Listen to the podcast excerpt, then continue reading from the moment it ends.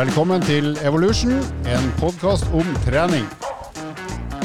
Av treningskjeden EVO. Eh, velkommen til Evolution, en ny, kald, ganske trist og grå og mørk eh, høstdag eh, banker innover studioet vårt her. Men vi har et hvitt bord og tre ganske oppegående, våkne karer rundt bordet, så det skal bli ganske bra likevel, tror jeg. Lars, velkommen.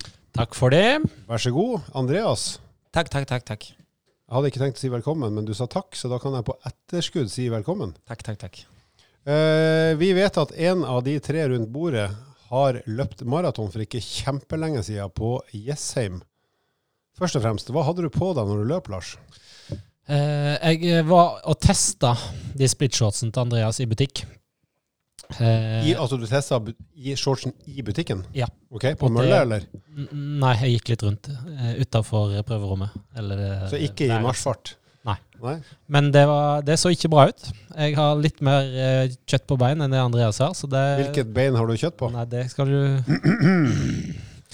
Eh, men det, nei, det så ikke bra ut, og vedkommende som prøver å selge den shortsen òg, når hun sier at det så ikke så bra ut, så da gikk jeg for en annen variant. Hun valgte å skåne deg for den ydmykelsen det hadde vært? Ja. Ok, Hva valgte det, du da? Nei, jeg valgte en lignende shorts eh, med, med splitt, men med en shorts under. Det vil si en sånn two Ja. in one shorts. Funka som bare rakkeren. Og lange sokker.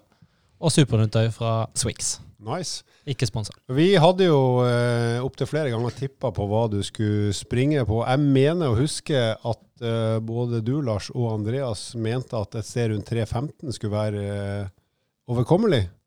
Mens undertegnede, som stort sett alltid er pessimistisk, kynisk og et rasshøl, tippa vel nærmere 3.22-3.4, tror jeg. Så hva ble sluttiden, herr Mæland?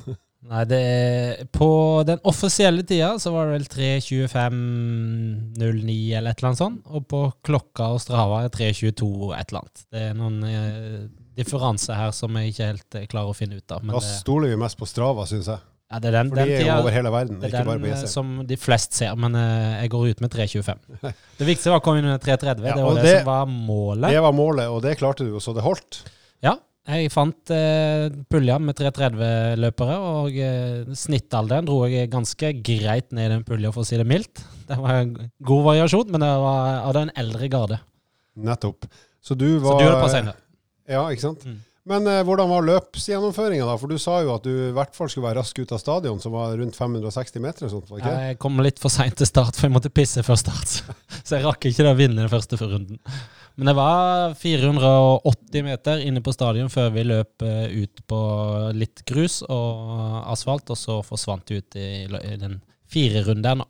Og alle som har løpt langt, og gjerne maraton, eh, snakker alltid om at etter tre mil, det er da du fort kan få en smell hvis du kommer til å gå på en smell. Hvordan var den, eh, den siste mila for deg? Siste mila var egentlig veldig oppløftende. Det var da det løsna. Jeg var liksom usikker. Skal jeg gå, skal jeg ikke gå? Og følte meg relativt pigg. Jeg hadde fulgt planen eh, på kosthold og drikke. Hadde òg hatt eh, to turer i skogen, både sittende og stående, så det gjorde at jeg måtte ta igjen den pulja mi innimellom, eller to ganger. Men det stabiliserte seg. Du pissa begge gangene, selv om du satt, ikke sant? Ja, pissa med Mhm. begge deler. Ja takk.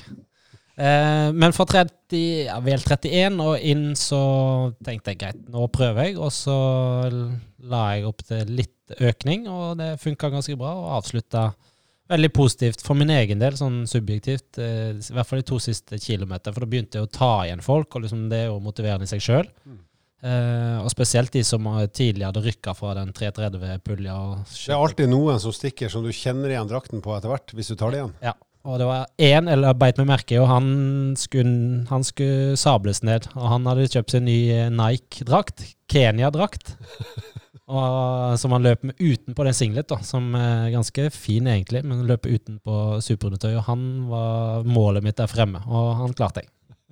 Var det noe over her på slutten, eller var Nei, du dis distanserte du alle? Jeg rykka litt før stadion. Det er en sånn klønete inngang til stadion der, så det er over noe grus og noe eh, gress og sånt. Så jeg prøvde å rykke før det, så jeg slapp å måtte bruke fartsgenene mine inne på stadion. De enorme fartsressursene Yes. trengtes ikke å bli aktivert. Men du, du sa at du vurderte etter ca. tre mil å gå på et løp, ikke sant? Altså rett og slett eh, rykke. Snakker vi da om tidenes lengste overlapping, for de som kan fotball? At du bare Ja, sprang på utsida av feltet og ropte 'Nå kommer jeg, nå kommer jeg', nå kommer jeg. Bare slå. Ledig, ledig, ledig. Jeg kjørte en uh, Staysman, kjøpte løype, løype. Her var det plass til meg. Nei, Jeg lå stort sett i front av det pulja, uh, minus de gangene jeg måtte uh, hente det inn igjen. Da la jeg meg bak i sekken og hvilte noen kilometer. Og det er, for de som har løpt i felt, så er, Andreas vet det i hvert fall veldig godt, så er det ganske behagelig å ligge baki. Det sparer mye krefter, og det er ganske behagelig, rett og slett. Så så her, eh, etter 31, eller etter hvert på hver runde, så la jeg meg frem til, og det var taktisk òg, for da var det jo drikkestasjoner hvert femte, så da var jeg alltid først, og fikk eh, spist gjelden min i fri, fri og ro, og tatt to drikker. Drakk eh, ish en og en halv, og så løp vi videre. Hvor mange drikkebonger hadde dere? Jeg hadde ti. Ti, ja. Så du brukte de opp? Men det er jo ganske morsomt at uh, når du løper maraton, at man føler at man rykker. For jeg har vært med på det før, da, hvor jeg har rykka fra pulja mi. Så, så kanskje man øker med en kilometer i timen, som er betydelig intensitetsøkning. Da. Kanskje du spretter opp både fem og ti slag i puls. Så det er jo usikkert på liksom, hvor, hvor mye kan jeg øke farten her før det blir for mye og at jeg sprekker. Når er det her plutselig dumt? Ja, når- Når er det ikke lenger show-off? Når er det egentlig bare å ødelegge for seg sjøl? Men det som er morsomt, da, er at da føler man jo liksom at nå går det bra, og sånn, og man løper en stund. Og ofte er jo maratonløpene ganske lange, så det er ganske lange sånne siktområder da, hvor du kan se både en kilometer og to framover.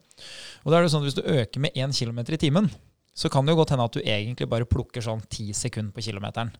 Og det betyr at hvis du da har prøvd deg på det rykket i tre kilometer, så hender det jo at resten av feltet bare er 120 meter bak deg. Så veldig ofte så føler man jo at man virkelig liksom har gjort eh, det store, og så snur man seg, og så ser man at på drikkestasjonen så glir jo bare feltet inn i rumpa på deg, og så løper du ut av drikkestasjonen før de Så det er, det er ganske sånn stusslig syn på hvordan det egentlig er for tilskuerne, tror jeg. Altså. Du får lite betalt for noe du syns er helt rått. Ja, det føles skikkelig bra, og så er det egentlig ganske dårlig. Det som er gøy her på Jessheim, er jo at det er fire runder i samme løypa, selv om det er, man kan diskutere om det er positivt eller negativt, men det er alltid folk på en måte foran deg, og du vet ikke om de er ute på 10 km, for de starta jo da eh, etter oss, og sammen med halvmaraton. Eh, starta for så vidt sammen med oss, så du tar jo igjen noen som alltid er et eller annet sted. Du vet ikke om de er i, i, på en måte i din konkurranse, eller om det er en annen konkurranse. Det er som skiskytterne, det er alltid noen i strafferunden. Yes. Så den andre fordelen må jo være at hvis man må på do, så kan man bruke første runden til å se an hvor man skal gå på do, andre runden til å gå på do, og da tredje runden hvis, hvis det ikke var bra. Hvis jeg kjenner Lars rett, så han, han, han har jo saumfart løypa på forkant, så han har nok planlagt hvor han skal gå på do, både sittende, stående og på tvers, yes. før han eh, la ut på 4,2 For å mil. si sånn, vi var flere som, eh, som brukte samme sted. Hadde du med papir? Nei, Det hadde Nei. jeg ikke, så det var touch and go, som vi pleier å si på alpinspråket. Og hvis det er noen lyttere igjen nå, så skal vi snart over til dagens tema. Jeg bare lurer på om du noen gang tenkte la meg bruke Halvors tips til hvordan gå på do? Under konkurransen. Nei, du tenkte ikke det? Nei. Nei, ok. Ja, greit. Da lar vi den henge. Eh, vi- Skal den bare henge i lufta, Den henger. Den henger. Ok, jeg, skal ikke, jeg sier ingenting. Det var et kvinnelig kjønn ved siden av meg på det siste stoppet, og hun satt òg. Et kvinnelig kjønn.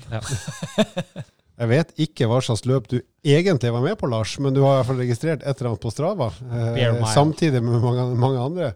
Men vi er ikke helt sikre på innholdet i det løpet. Men eh, bra gjennomført, det skal du ha. Tusen takk for det. Og nå skal vi over til et eh, svært aktuelt tema for eh, ganske mange av oss straks.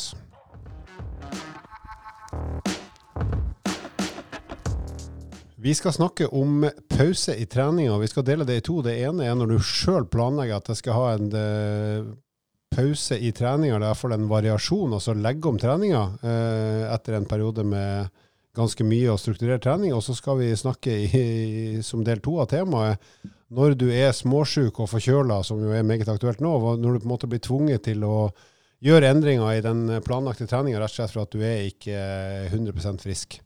Men vi begynner da med det første temaet, og det er en som heter Morten som har eh, sendt oss det spørsmålet. Han skriver at han løper en del. Faktisk litt mer enn litt. Han løper ganske mye, og så skal han eh, løpe han sitt siste løp eh, i starten av november. Han har vært hos kiropraktor og retta på noen småting de siste ukene, og kiropraktor mente at det kunne vært lurt med en sesongpause etter det siste løpet, som da var i november, for å få henta seg inn igjen. Og da spør han rett og slett eh, hvordan er det å ha en planlagt sesongpause eller treningspause samtidig som du skal prøve å opprettholde kondisjonen på et eh, brukbart nivå? Så han har altså trent strukturert eh, over ganske lang tid. Er nok ganske god til å løpe, men har fått beskjed om noen som har peiling, at det kan være lurt å i hvert fall gjøre noe annet en stund, og ikke, bare fortsette kontinuerlig med den treninga han har gjort ganske lenge. Ja, det er jo en, en interessant ting, fordi jeg har diskutert eh, med noen kompiser. Hvis vi hadde sagt at du får trene så lite som mulig, hvor lite kan du trene og fortsatt uh, ivareta den formen som du har? Og Da ser man jo at det, det er ikke sånn vanvittig mye som du egentlig må trene, men du må bevare noen av de øktene som gir god avkastning, da, de som har høy kvalitet. Uh, og Det første man kan begynne å fire på, det er jo de spesifikke øktene som gjerne tar deg uh, til konkurransen, hvis konkurransen er lang. Så Hvis vi bruker Lars som eksempel, da, uh, før et maraton så er det jo smart å løpe Da er det jo smart å løpe langt, ikke sant? Hvorfor det, egentlig? Ja, hvorfor det? Og hvis du da ikke skal løpe maraton, hvis du skal ha en pause, så kan du jo bare sløyfe de øktene som da bør helst være kanskje på 1 over 30, et par over 20, mange over 10 km. Så de kan man bare ta bort, ikke sant? Og Så kan man gå ned på det nivået og si at ok, vi bør ha hardøkter. Vi må ha en eller annen form for belastning som, eh, som denger hjertemuskelen nok til at den tenker at oi, her må vi bevare størrelsen og kraften, sånn at ikke kondisjonen blir dårligere. Så da, ja, Det er veldig avhengig av hvilket nivå du er på. Hvis du, hvis du ikke har trent noen verdens ting, da, det er jo ikke sammenlignbart med eksempler, men da, da kunne du ha trent én gang i uka, så ville du blitt bedre. Mm. Mens hvis du eh, sier at du trener ganske jevnlig, da, si at man hadde hatt fem mil i uka, da, for å bruke et enkelt eksempel, da, da løper man jo kanskje tre, fire, fem eh, ganger i løpet av en uke. Så da kan man gå ned til å si at man kjører én knallhard intervall. Gjerne to. Men de fleste de vil nok bli i bedre form om de kjører to. Så de kan nok gå ned til én, men de må ha litt varighet på den intervalløkta, for de kan ikke gamble på at de treffer. Så de må, nok, eh, de må nok ha både 20 og kanskje 25 minutter med høy puls da, i den økta. Og Hvis vi da snakker om det nivået som vi tror han Morten er på, som for så vidt dere rundt bordet er òg, altså der du egentlig er i ganske god form og har trent ganske mye kondisjon, så er det jo i tillegg til det Andreas sier med at du må ha en viss mengde ganske høy intensitet i uka, så er det jo også det her med å kontrollere vekt. Ikke nødvendigvis gå ned i vekt, men å kontrollere sånn at du ikke plutselig er ti kilo tyngre når du om en måned skal begynne å trene normalt igjen. For da tar du jo bort en del tid på at du rett og slett skal komme deg ned igjen i den vekta du vet du fungerer best på.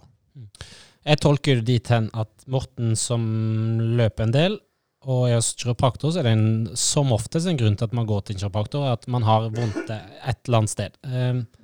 Så I den casen her så tar jeg meg retten til å nevne det med aktive tiltak, som jeg vil tippe denne fysioterapeuten, kiropraktoren, vil ha nevnt noe om. og det er jo rett og slett å velge en annen bevegelsesform som òg vil gi et stimuli rent eh, i forhold til kondisjonen eller utholdenheten. Og det kan være alternativet som å gå fra å løpe så mye til å ha én eller to økter på ellipse f.eks., eller sykkel for den saks skyld, men som òg vil gi et stimuli som man trenger for å få nok for å dekke det som eh, behovet som Andreas snakker om. Og I tillegg så er det noen aktive tiltak, f.eks. det som har med styrke, som man gjerne legger inn i perioder som Eh, ja, rett og slett der man har mulighet til det, hvor det er litt distanse til eh, f.eks. konkurransen som kommer utover våren. Og der du ikke løper så ofte at det blir noe problem å få styrketreninga til å gå i hop med, med løpetreninga. Ja, og ikke minst det, eh, de, de eh, måtte, resultatene av styrketrening vil jo være at man får en periode kanskje litt mer støl og beløsning, eller musklene har fått en litt annen stimuli og litt annen slitasje. Så det er mitt tips til, til Morten.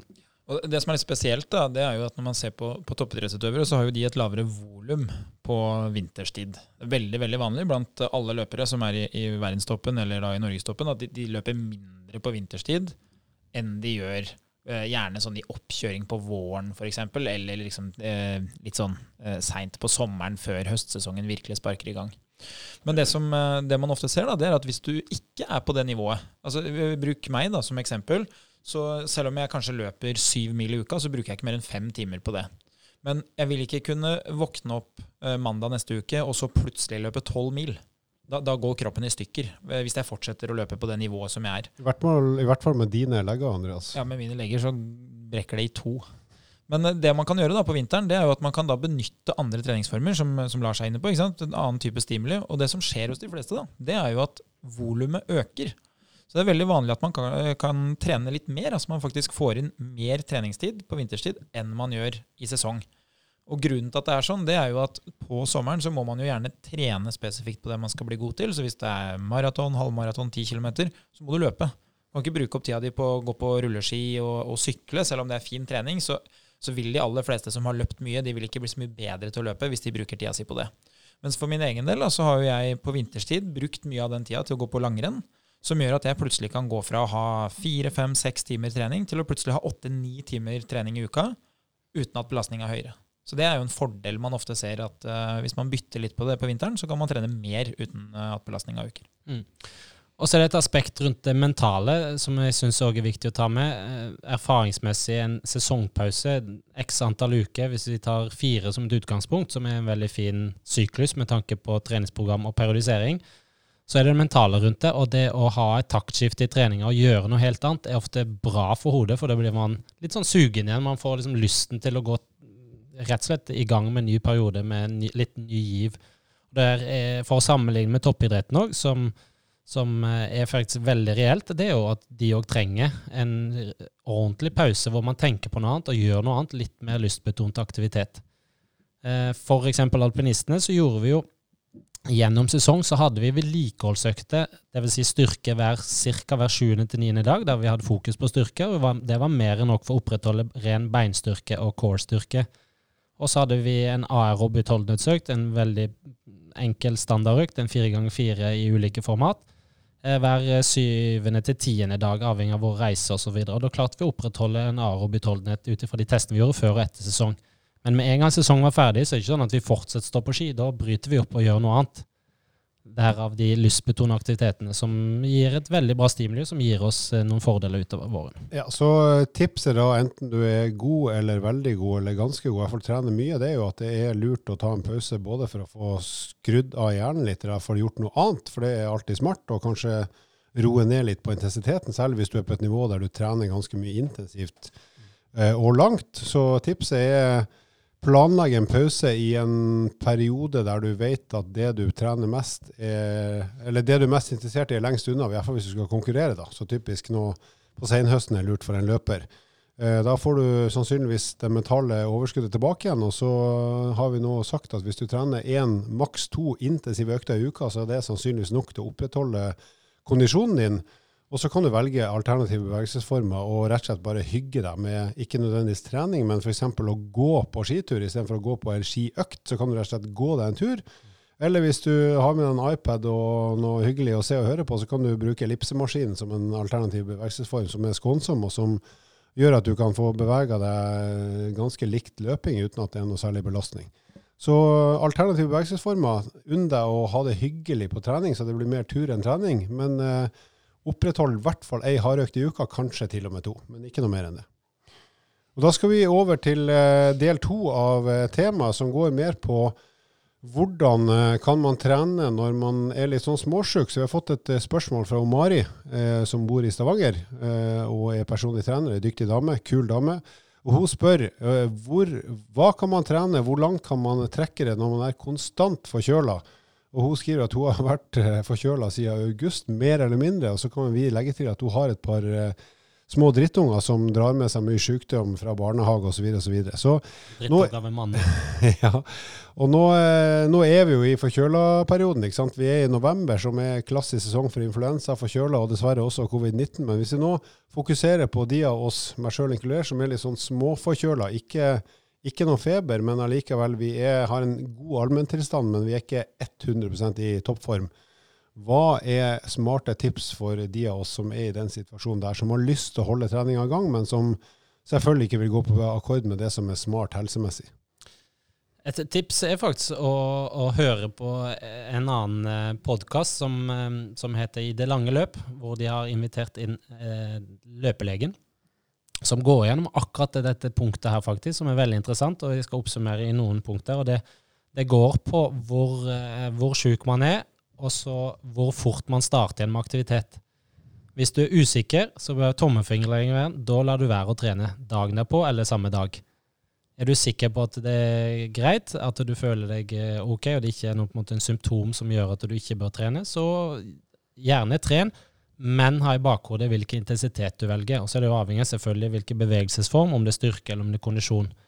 Er det kondisjon, så gjerne heller da ta litt lavere intensitet, og en heller en kontinuerlig økt istedenfor å presse både systemet, immunforsvar, mer enn nødvendig, dvs. Si hardere enn nødvendig.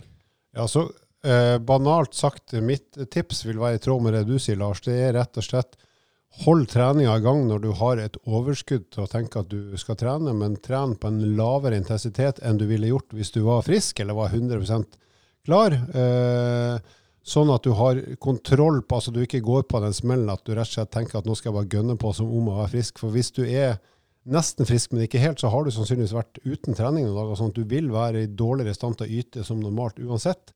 Så den overgangen fra å være småsjuk til å bli frisk, eller fra å være sjuk til å faktisk være helt frisk, så er det alltid lurt å ha én eller to eller tre økter der du gradvis kommer tilbake igjen til det du normalt sett har prestert. Og i hvert fall hvis du er småsjuk. Da er det jo lurt å holde igjen på intensiteten, men ha økter som gjør at du kan holde treninga i gang, kanskje med samme frekvens som før, men roligere og, og, kanskje litt kortere. Litt avhengig av hvordan du trener. Det er jo sånn, En veldig enkel regel er jo at uh, hvis du har feber, da er det no go. Da, det er ingen treningsform som passer for de som har feber. Da holder man seg i ro. Hvordan måler man feber, Andreas? Du, vet du hva? Nå eh, Hjemme hos meg så har jo eh, en ting som jeg skydde som barn, som var det verste jeg visste, har jo dukket opp igjen. Og det er jo da at man tar tempen. Altså, ja. Det nekta jo jeg fra det første mulighet når jeg skjønte hvordan tempen ble tatt. Kneip igjen, med og, og det å påføre et barn det, det, er jo litt annerledes når du har en baby, for da tenker du liksom det her er til det beste for deg. Men samtidig vet jeg at eh, nei, det er ikke det, vet du, hvis du kan velge. Så nei, du kan gjøre det på forskjellige måter. Du, du hadde sikkert likt å ta den som du kan ta i øret, tipper jeg, Halvor. Jeg har aldri prøvd det, for jeg har hørt at den er veldig unøyaktig. ja, ikke sant? så du liker at ting er nøyaktig? Så. Jeg tar det på subjektiv opplevelse. Ja, ikke sant. Eh, hvis eh, vaniljeisen smelter i panna, så er du varm. Nei, men eh, det er jo sånn at eh, feber det er no go. Og så er det sånn at hvis du har eh, problemer med luftveiene, altså hvis det er nese-hals, så ned med intensitet. Så hvis du ikke har feber, men du kjenner liksom at du kanskje er litt tett i bihulene, og sånn, da må intensiteten ned. Det er ikke veldig gunstig å dra i gang systemet og puste masse hvis man da har de problemene. Og så er det som Lars så fint sa, ta det litt kulig når man starter. Og en ting jeg gjerne vil at folk skal vite, da, det er jo at det å være syk er en belastning. Så du kan egentlig se på det som at du har trent veldig veldig mye, og at kroppen egentlig trenger restitusjon for å hente seg inn. Og da er det jo veldig dumt å komme med mer trening. Så man kan egentlig ta utgangspunkt i at når du er syk, så er det som om du har trent kjempemye. Så det kan hende at du må hvile litt for at du skal kunne trene igjen. Ja, og et av de viktigste tipsene er nummer én, få nok søvn. Det vil være at du bygger opp igjen kroppen, veldig enkelt sagt. Og så er det å spise nok. Det høres litt sånn feil ut, for man har ikke sånn kjempegod appetitt når man er syk, eller i overgangen fra å være syk til eh, eller har vært syk og skal bli frisk. Eh, så er det å få nok eh, riktige makro, altså karbohydrater, protein og fett, som gjør at du får bygd opp igjen immunforsvaret. Det er en av de viktigste tingene. Så får du heller igjen Er du usikker, så står du over den økta der, og så tar du det igjen i andre enden og klarer å periodisere det inn igjen, så du ikke kommer ut på minus. Og som uh, lytterne kan høre, så høres jeg ut som jeg enten er litt sånn småforkjøla, eller så har jeg drukket altfor mye whisky. Og det sistnevnte har jeg ikke gjort. Du er litt nasal? Jeg er litt nasal. Så uh, jeg gjør da det som de gutta her forteller meg, nemlig at jeg tar det, trener litt uh, mindre hardt enn normalt, for at jeg sliter med å få nok luft. og så trener jeg kortere økter enn normalt, men jeg holder treningsrytmen i gang. Og så legger jeg meg faktisk utrolig nok tidligere enn normalt, så nå er jeg alltid i seng før midnatt. Selv om jeg ikke nødvendigvis sover før middag, for da skal jeg lese alle mailene Andreas Skjetne har sendt fra klokka 11 til klokka 12. Uh, eh, men det, og det fungerer jo for de aller aller fleste. ikke sant? Skru ned intensiteten. Uh, kan gjerne opprettholde frekvensen, men det må altså totalbelastninga må være lavere. for det å være litt sjuk i seg sjøl er en, en, belastning som gjør at vi ikke er like mottagelige for å trene. Eh, så har jo det her eh, vært en ganske heftig, en heftig periode fra forrige podkast til nå, når vi tenker på hva som har skjedd i media, eller altså rett og slett større mediesaker. Er det noen av dere som har lyst til å starte ballet med hva dere har merka dere eh, siden forrige gang? Da tar jeg tredjeplassen, og så får dere ta andre- og førsteplassen. For det er noen som kommer over det jeg skal si. Og det er at jeg nå gleder meg ekstremt til skisesongen kom i gang. Var det sesongstart på Beitostølen på langrenn, og det har vært sesongstart ved skiskytterne. Og for så vidt òg alpint, ikke minst, som starta med damene oppe i Levi. Og skøyter. Og skøyter, ja. Det, vintersport utendørs, ikke innendørs. Nei da. Eh, så nå eh, forsvinner helgene med å sitte og se på TV, for å si det sånn. Så jeg gleder meg ekstremt til Da kan du finne fram sykkelen igjen, Lars. Så kan du Ja. sykle og se på TV. Ja, og den er faktisk eh, mangler pedaler nå, så nå Ja, det er ikke så farlig. Det går Nei. bra uten.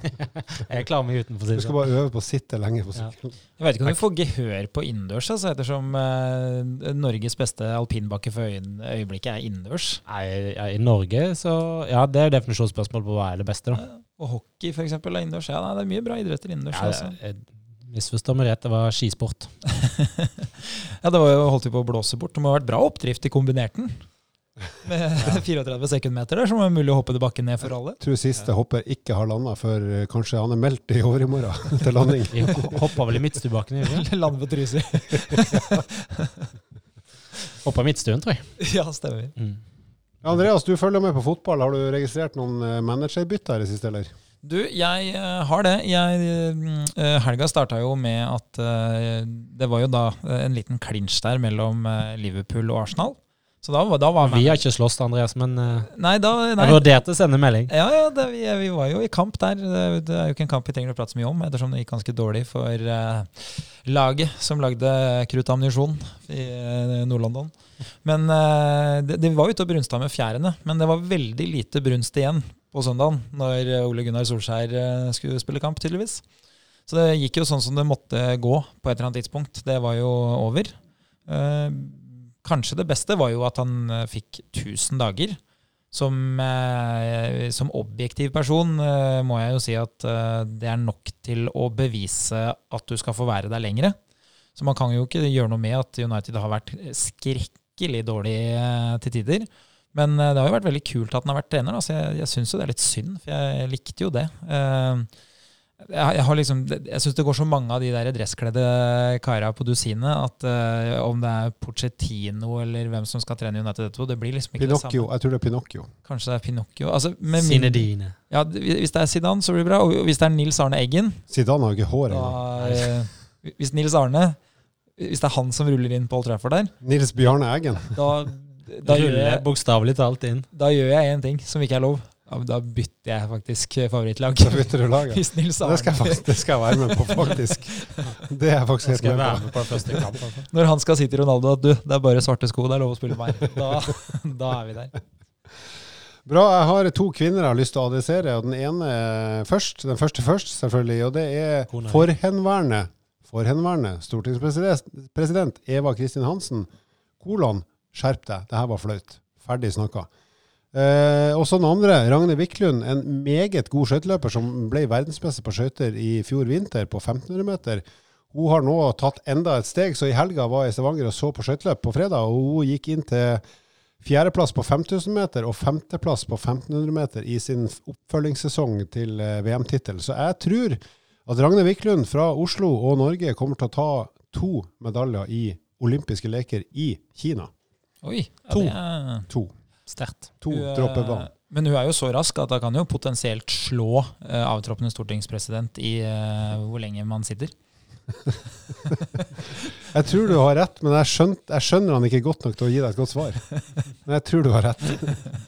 Jeg velger å Takk for oss. Ja, Skal vi rett og slett uh, si at det der var så Det var det vi hadde å by på i dag? Ja, det, så enkelt er det faktisk. Det er Takk. ikke mer. Takk for i dag, folkens. Sayonara. Sayonara. Vil du vite mer om trening? Abonner på podkasten og sjekk ut vårt treningsmagasin på evo.no.